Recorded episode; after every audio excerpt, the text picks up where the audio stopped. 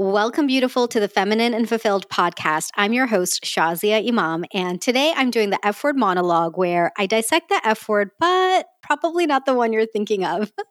and today's F word is frenzy. So, today's episode was actually inspired by somebody who had reached out to me. They had private messaged me, and they really had these big questions, like really, really big questions about asking the divine, making dua, making supplications, really asking for what it is that you want and not being answered. And this woman was sharing how she had really been asking and asking and asking. She's like, I've asked a million times and it's not being answered. Is God angry with me? Am I not meant to have it in this life? And she started asking some really, really big questions. And I talk a lot about dreaming. If you've been following me now for some time, you know I talk about dreaming. You know I talk about asking. I really believe that this is a spiritual practice to ask, that the divine wants you to ask. But this question underneath of, is anybody listening?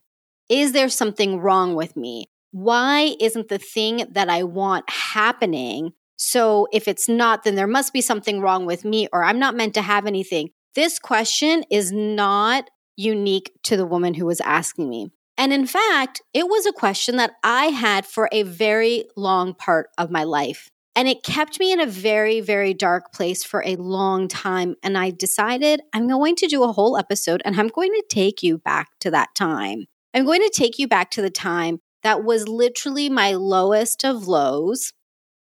Because you may listen to my podcast and think, Shazia, you've got it all together and everything's so good in your life and you don't understand where I'm at. And I want to tell you if somebody understands, it's me. If you're in a dark night of the soul right now, if you are in a situation where you feel like, oh my God, when will this change? Because it's not what you want. Oh, I know that place. I know that place so well. And so I have many episodes talking about how to really manifest, how to live your dreams, how to do those things. But I'm going to take you back to my dark night of the soul. And I've had many, but I'm going to take you to this time that reminds me of this question that this woman was asking because I had made a prayer over and over and over again for a really long time that was not answered. And I did not understand it at the time. Okay. So instead of me talking all around it, let's just go there. And as always, this is going to be free flow. So I don't know what emotions are going to come up. I don't know what is going to emerge from this episode. But as always, I know it's going to be exactly what you need to hear today. So please hold the space for me because I'm going into a really, really difficult place because I'm already getting teary eyed, like thinking about this time in my life. So I'm going to take you back. This happened, oh my gosh, it's been 12 years now. 12 years. So you may have heard some of the story I'm about to tell, but you haven't heard the rest because I've never really gone this in depth. But I wanted to take you today because it's time. So, about 12 years ago, around the same time, we had gotten the green light from the doctors to begin trying again. So it had been one year since we had lost our son. It had been six months since I'd had this very major surgery. And now we had gotten the green light that said, Your body's healthy, you're healthy, go ahead and try. And I remember the week that we got the green light, we went to this neighborhood in the dream neighborhood that we had wanted to buy in and we found a beautiful house that was on sale and it was everything we had been looking for. So I thought, this is it. This is it. One year after burying my son, six months after this massive surgery, and then in and out of the hospital for months before that, and just all of the physical pain I'd been through, the emotional pain, the grief, the trauma, all of it, I thought, now, okay, here's the hope I've been holding on to. Now we're going to get our dream home. We got the green light. We're going to have another baby and everything's going to be okay. And we come outside of the house. The house was in move in ready condition. It was exactly what we were looking for. We could afford it, all of the things. And I look over at my husband and I said, So when are we going to put in an offer? And he looked back at me and he said, I want a separation.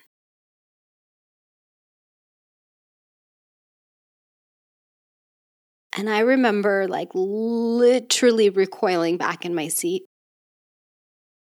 Recoiling back in my seat, like I wanted to get out of the car. It's like my body physically didn't want to be there. I was trying to like move myself out of the passenger side door because I was like, what are you saying? And if maybe I moved myself far enough back, the truth of what he had just said, it would just change. Like it wouldn't be there. Like those words wouldn't be there.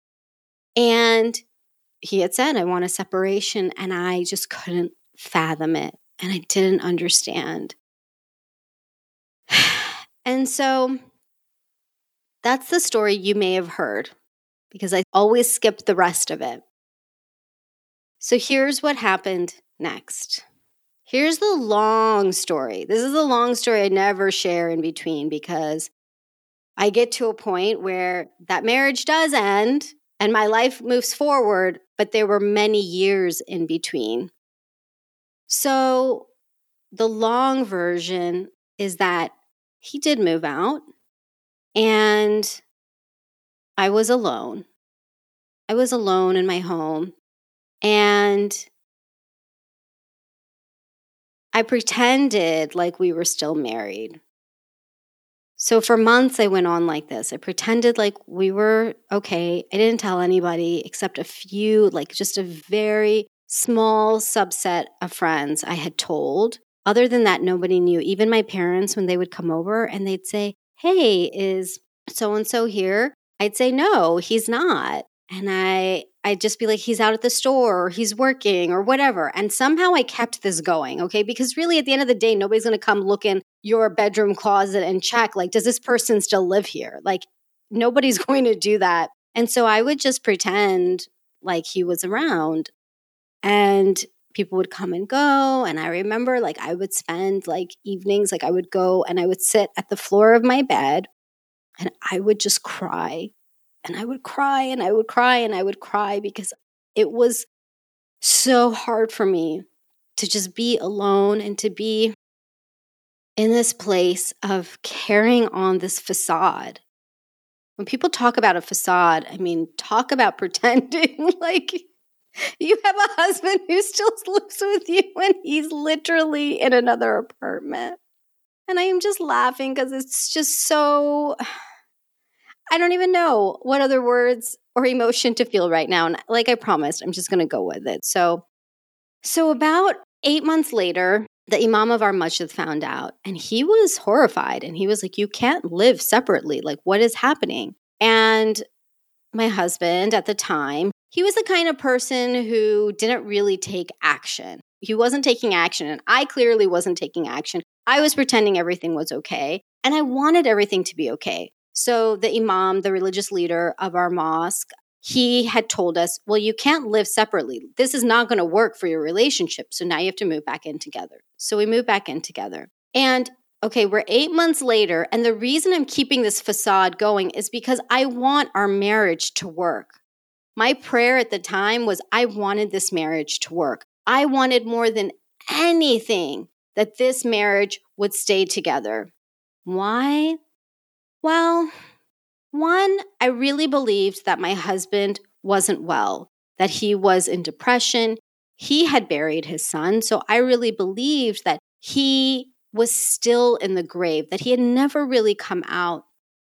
And with women, we have a lot of ways to process, but men don't. And I didn't want to leave his side. I really believed, well, if he had cancer, I would be by his side. So I made this choice to say, he's not well. And so I'm going to be with him during this time. I'm going to be patient, even if it's killing me. I also believed that without this marriage, my life would end, that my life as I knew it would end. I would no longer have the status of being married. I would no longer be able to get married again because who gets married again after divorce? Not in our community. That's how I felt. And I really thought this is all I'm going to get in this life, and I'm going to get it. I'm going to do whatever I can to keep this. And That's it. Like it wasn't going to get any better than this. And certainly the only other option was that it was going to get worse. And the third thing is that I believed that this, for some reason, was my like my martyrdom in this life. This was my sacrifice. It, was going to make up for all of the bad things I had done, for all my sins. And this would be the thing that would expiate me from all of those things. And then I would be okay. And so I would take this on. I would take this on because this was my test in life. So here I am with these three beliefs, thinking, I just have to make this marriage work. And you know what a fourth belief was? And I didn't want to admit it to myself at the time, but I can say it now. The fourth belief is that I didn't want to fail. Because if this marriage didn't work, then somewhere along the way, I had failed. I had made the wrong decision. I had failed. I had done the wrong thing. And I, in turn, was a failure. That was the hardest one for me. So I decided to do whatever it took to keep this marriage going. And so that was my sole goal keep this marriage, keep this marriage, keep this marriage. It didn't matter what the marriage was, I just had to keep the sanctity, quote unquote, of this marriage. So we move in together. I move into the new apartment that he had gotten, and I left the current apartment that we owned. I just left it empty, the condo. So I move into the apartment and I have to tell you guys a really funny story. Okay, total tangent, but it's related. So I move into the apartment and the fridge is broken. Like it's not working, it's not cooling. So I move in and I, by this point in the journey, have read a ton of marriage books. One thing you can count on me for is that if there's a problem to solve, I'm going to read a lot of books about it and I'm going to do a lot of research. So I had read a lot of stuff and I thought, okay, this is my second chance. This is my second chance at this marriage. And I'm going to do whatever it takes because of those four reasons to make this work. So, what did that mean? It meant I had to become the perfect wife. So, The Perfect Wife, I literally read this book called Fascinating Womanhood. It was written in the 1950s and it was all about being the perfect woman for your husband. So when he comes home from work, you're smiling and you are always smiling and always cheerful and like just the perfect blend of everything. And the house is clean and meals are cooked and all the stuff. Okay. And I just bought into this because I'm like, if I do this, there's no way a man would not want this wife. To be quite honest, I would want a wife like that. I mean, who wouldn't? Who wouldn't want somebody to come home to who has a smiling face and dinner on the table and and like doting on you? So here I am. I'm like, okay, I'm going to be a fascinating woman. And I was part of this like small group of us who were all reading the book together. So I did have a support system and I'm like, okay, I'm going to do this. So here I am in an apartment with a fridge that does not work. So where am I going to keep the food to cook? Like this isn't going to work. But a fascinating woman's not going to complain. You also let your husband take care of things. You let him do all of the stuff and you never question him. You never nag. You never do any of those things. So I didn't do any of those things. And you know what I did? I put the food out on the balcony because it was February and it was cold outside and it was cold enough to keep things not frozen, but refrigerated. I literally, for six weeks, because it took six weeks for him to call the landlord, who then promptly fixed it the next day. Okay. But for six weeks, I literally allowed the balcony to be our fridge. So when I talk about going to any length to make it work, holy crap, I made the balcony a fridge. And I didn't complain one bit. And I just laughed and I was like, it's okay. We've got this. Whenever you're going to call, it'll work. Oh my God. I'm just laughing thinking about this right now. So here I am trying to make it work with the balcony as my fridge, walking on eggshells, trying to be perfect in every single moment. And the truth is, I had moved in to an apartment with a man who did not want to be with me. Now, I want to be really clear, and I've said this before, and I will always say this my former husband is not a bad guy. He's not a bad guy. In fact, he's a really, really, really nice guy. He's a really nice human being. And he was uninterested in being married to me. It was a struggle for him too. I understand that because he felt really, really bad, but he did not want to be with me. And here I am doing my best. I mean, at that point, like a wife who's like, oh, it's fine to leave the eggs on the balcony. Haha, it's fine. It's great. We'll make it work. I mean, like that doesn't even exist. It literally doesn't even exist. So he understood that like something was wrong, but he just knew that he didn't want to be with me. And so we were just on these eggshells. And it would take everything for me to just stuff down all my feelings and my thoughts. And I'm a deeply feeling woman. It would take everything for me to just stuff it down. And sometimes I would just leave the apartment and I would walk out and I would just cry. And I would cry and I would cry and I would cry. And then I would ask God, I would ask a lot, and I would say, please make this work. Please give me the fortitude. Please. Like, and I would beg, like, please, like, whatever it takes, make this work.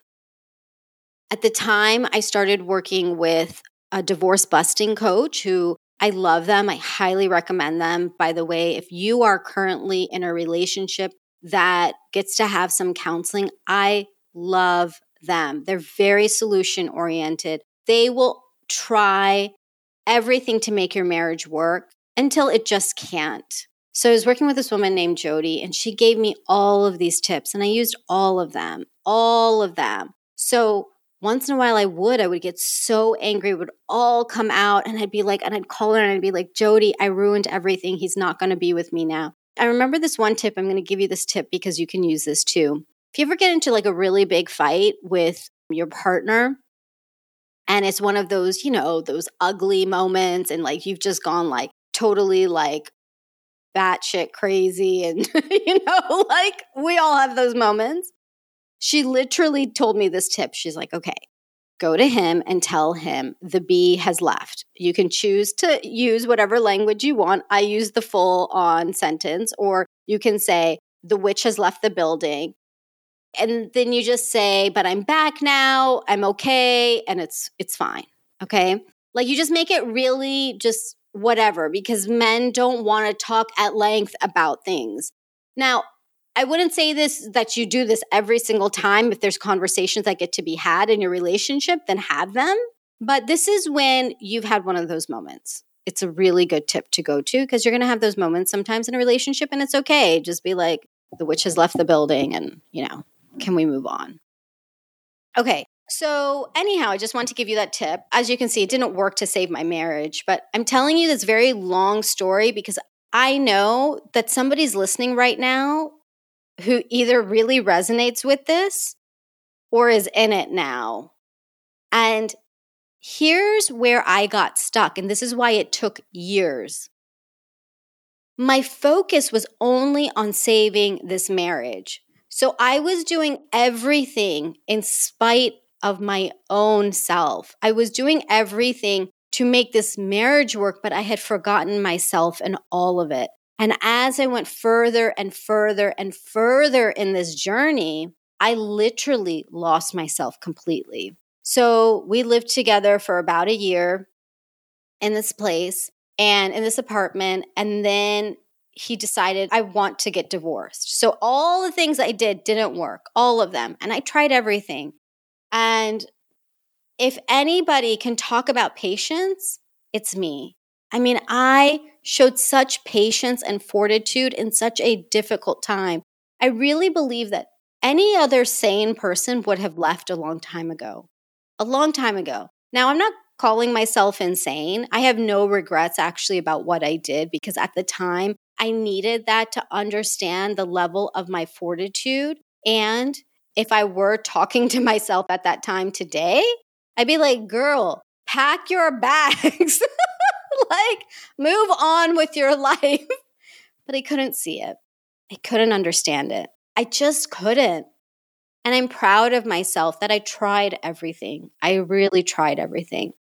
So a year later, he wants a divorce. And I end up on this spiritual retreat in the mountains of Spain. And I end up having this epiphany.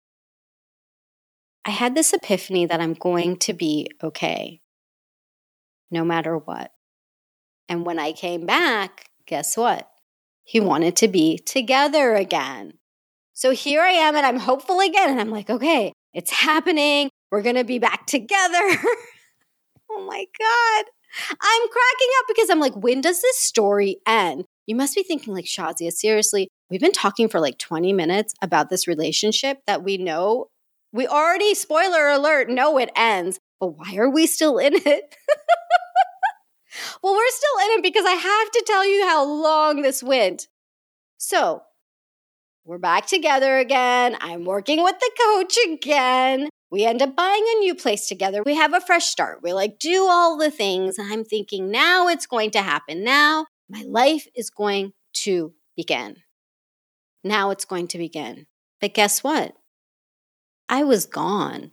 My self esteem was shot. The relationship was good for about like two or three months because there was a renewed energy. And then it went right back to the same thing because he, again, was like, I don't think we're meant to be together. And here I am still thinking, but we are meant to be together. Come on, like the community loves us, everybody loves us. We can't do this. And then I had all those reasons I already shared with you the four reasons of why I didn't want things to end. Then start adding on that the guilt I was feeling about, well, what will happen to your nieces and nephews who look up to us? What will happen to friends and community members who look up to us and think that we have this great marriage? What's going to happen if XYZ? And I was holding on all this guilt for everybody else and feeling so bad that I literally, literally had buried myself into a deep, dark abyss. I had done that to myself. And on the flip side, here I am thinking, but if my marriage ends, I'm going to end up in an abyss. But I had already put myself there. I'd already put myself at the lowest place I could be, where everything around me was literally feeling like I, if I just stepped on this eggshell in the wrong way, everything would shatter. And this went on again for years. The time that I'm telling you about from start to finish was literally five to six years. Five to six years, five to six years of reading, therapy, marital coaching, having like trying everything under the sun to improve my marriage, hiding, hiding, hiding the fact of not living together, at a time when I was living alone or a time when I was living out of my car. I mean, I, I don't even want to get into that story right now because I'm like, I've already talked so long about this one story and it's, it just, I'm even tired of it. I'm even tired of sharing it right now. That's how long it went. Pretending, oh, he didn't come to this event because he's busy. I mean, everybody just got used to me coming to things alone. It just became a thing. And that was even when we were still living together. I believe our relationship died when our son passed away. But the divine knew that I wasn't ready then for things to end. And here's where things happen in perfect timing. And this is where I learned what it means to surrender. So, as long as I held on tight, tight, tight to this marriage and thinking that this was the only way, guess what? My prayer was never answered. My prayer was never answered. In fact, it just kept getting worse and worse and worse because I was putting all of my stock on this one outcome marriage with this man. And in fact, that was the smallest thing that I could have been asking for myself. And the divine was saying, Shazia, there is something so much bigger for you, Shazia, and you get to just let go. And that was a lesson I had to learn. I had to learn to let go. It wasn't actually about shifting my prayers or my asks. It wasn't even about manifesting yet because I wouldn't have been able to manifest anything from that place. It was about letting go. And I was holding on so tight, like my fists were clenched. Like, I have to hold on to this marriage have to. Okay, please make this work. Please make this work. Okay, I'm going to do all of the things. And here's the total frenzy. The reason that I named this frenzy is because I kept asking for somebody to solve my problem. I would go to an imam. I would go to a scholar. I would go to a spiritual person. I would go to a therapist. I would go to even the marriage coach I mentioned to. I would go to all of these people and I prayed that somebody would be the answer, that they would be the answer. And I was in this frenzy because I thought somebody else was going to solve my problem and I wanted them to. I wanted that one person to talk sense into him. I remember there was a mutual friend of ours who, you know, is also a very well respected person in the community. And I thought, he's going to listen to him. He's a man. He'll listen to him. He's going to knock some sense into him. And I wished, and I kept thinking, somebody is going to fix this. Somebody's going to fix this. And the only prayer I knew was to ask for this marriage to work. So something somewhere along the way was not working. And it wasn't until I was literally, I remember this point. I was lying on the acupuncture table at my acupuncturist office. Her name is Alex Corey. She still has an acupuncture clinic. She's amazing. I was having my acupuncture done. I also did an episode with her, by the way. She's one of my clients. So check that out. She's amazing. So I'm lying on the table, the needles are in my body. She stepped out to, you know, give time for everything to flow. And I remember lying on the table and I was staring at the ceiling and I finally said, I said this to the divine. I said, Allah, I cannot, I can't do this anymore. I can't, I'm tired. I said, and it's not working. So I'm going to give this all back to you. I'm going to give this back to you because I can't do it. And I remember like just imagining like pushing all this stuff up to the ceiling and up into the sky and up into the heavens. And I just said, I can't do it anymore. And I give this back to you. Please help me. Please help me. And I said, I promise I will be content with wherever you place me.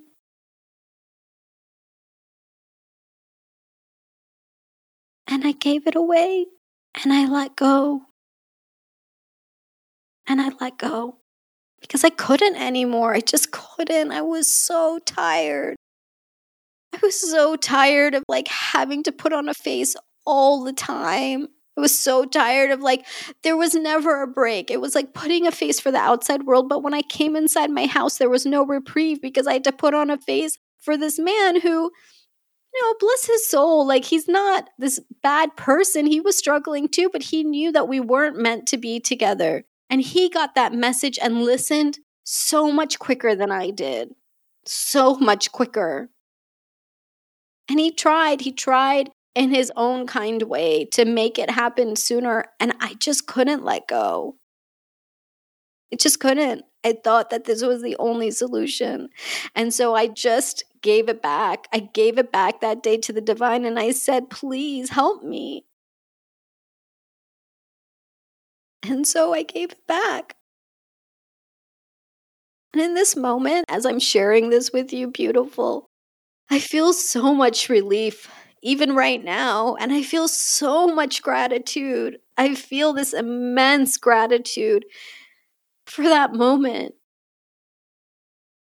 because it it was finally like the weight had been lifted off my shoulders and I could breathe again. And that's when the ball started rolling. That's when everything shifted. That's all that I had been waiting for? Do you think that the divine like needed me to give it back? It had always been under the divine's control. It's not as though our creator like isn't watching every single thing that's happening, but it was me who was holding on so tight, wanting to control, wanting things to be a certain way, thinking that a certain outcome would be the way. And when I let go, it was finally like, I can hear a message now that's like, okay, Shazia, finally, you let go. Now just watch where things go. I can hear that now, but I didn't hear it then. I just knew I had to like give it back. And so the rest of the story from that point is everything else that you've heard from me is this entire podcast. It's my life as I'm living it today. It's this place that I came to once I let go where I could finally see things expansively. The wheels started turning and then I was no longer clutching my hands on this metaphorical steering wheel of a car that metaphorically I'm not driving. I just got to be in the passenger seat now and be guided to the best things. And that is how I began the journey to find myself again. That is how the marriage did end in a very graceful way, so gracefully, so beautifully. And to this day, I can still speak to my former husband. We have a very nice, polite relationship. I still deeply care about him as the father of my son, as a very beautiful human being, just not my husband. And I don't want that. And nor does he want me to be his wife. And this is what opened up my life to finding my soulmate, which is the last episode if you want to listen to what my relationship is today. By the way, I'm not fascinating anymore. I'm not a, in the fascinating woman world anymore. I'm myself, thankfully. Oh my God. And it makes for a very good relationship. And it's what opened up this work I do and really living my dream and supporting beautiful women like you to live yours. And so here's the thing if you're listening today and feeling any connection to what I'm saying and wondering why your prayers are not being answered, why the dreams you're putting out there are not coming to life, it's time for you to let go. It's time for you to really let go of whatever notion that you're holding on to. It's time to let go of the belief that nobody is listening. The divine is listening. The problem is you're getting in the way. And I don't say that to be mean in any way, shape, or form. I'm saying this to be brutally honest with you because it's the truth. It's the truth. And you're going to hear today exactly what you're meant to hear. So I don't mind if you don't even hear what I'm saying right now. But if you're ready to hear what I'm saying, it is time to let go. And it is time to stop limiting what you believe is possible for yourself. That's exactly what I was doing. The longer I held on to this notion of my first marriage having to be the end all be all, I was limiting myself. I was holding on too tightly and I was preventing everything around me from opening up. And as soon as I let go, everything opened up. And I can take you from that place, but I cannot make you unclench your fists. I can't do that piece for you. But if you're ready and you're ready to really surrender, I can take you to the next level. That I know for sure. I have plenty of client testimonials to show that, including my own life. And if you're really ready for your dreams to come true, then grab my dreams list, thelifeengineer.com slash dreams, grab the list. And I just want you to come into my community so that you're around this energy and you're around this real talk. Because I'm not here to make your process long. I'm not here to make you feel good in a moment. I'm here for you to have the life that you deeply desire. And so today, I'm here to talk to you about the frenzy that I was in and how it got me nowhere. And also, if you're in a frenzy, you get to let that go too. Nobody's going to answer your question. Nobody's going to be the solution for you. You get to be that solution with the right tools in place. And that first tool for you today is to let go, just like I got to do years ago. Let go, surrender, trust. Whew. That was a big episode. I think I am complete now. I'm a little bit exhausted. There was a lot to go back there. So thank you for holding the space for that. Thank you for listening and being a part of my journey, which is also a part of your journey. And know that I am here always. I am here to make sure that your dreams do come true. So get started at thelifeengineer.com slash dreams. Grab your dreams list. Let's get this going. And in the meanwhile, for the love of God, unclench your fists, let go of the steering wheel, and let's move forward. Until next time, beautiful Lilas. Love you like a sister.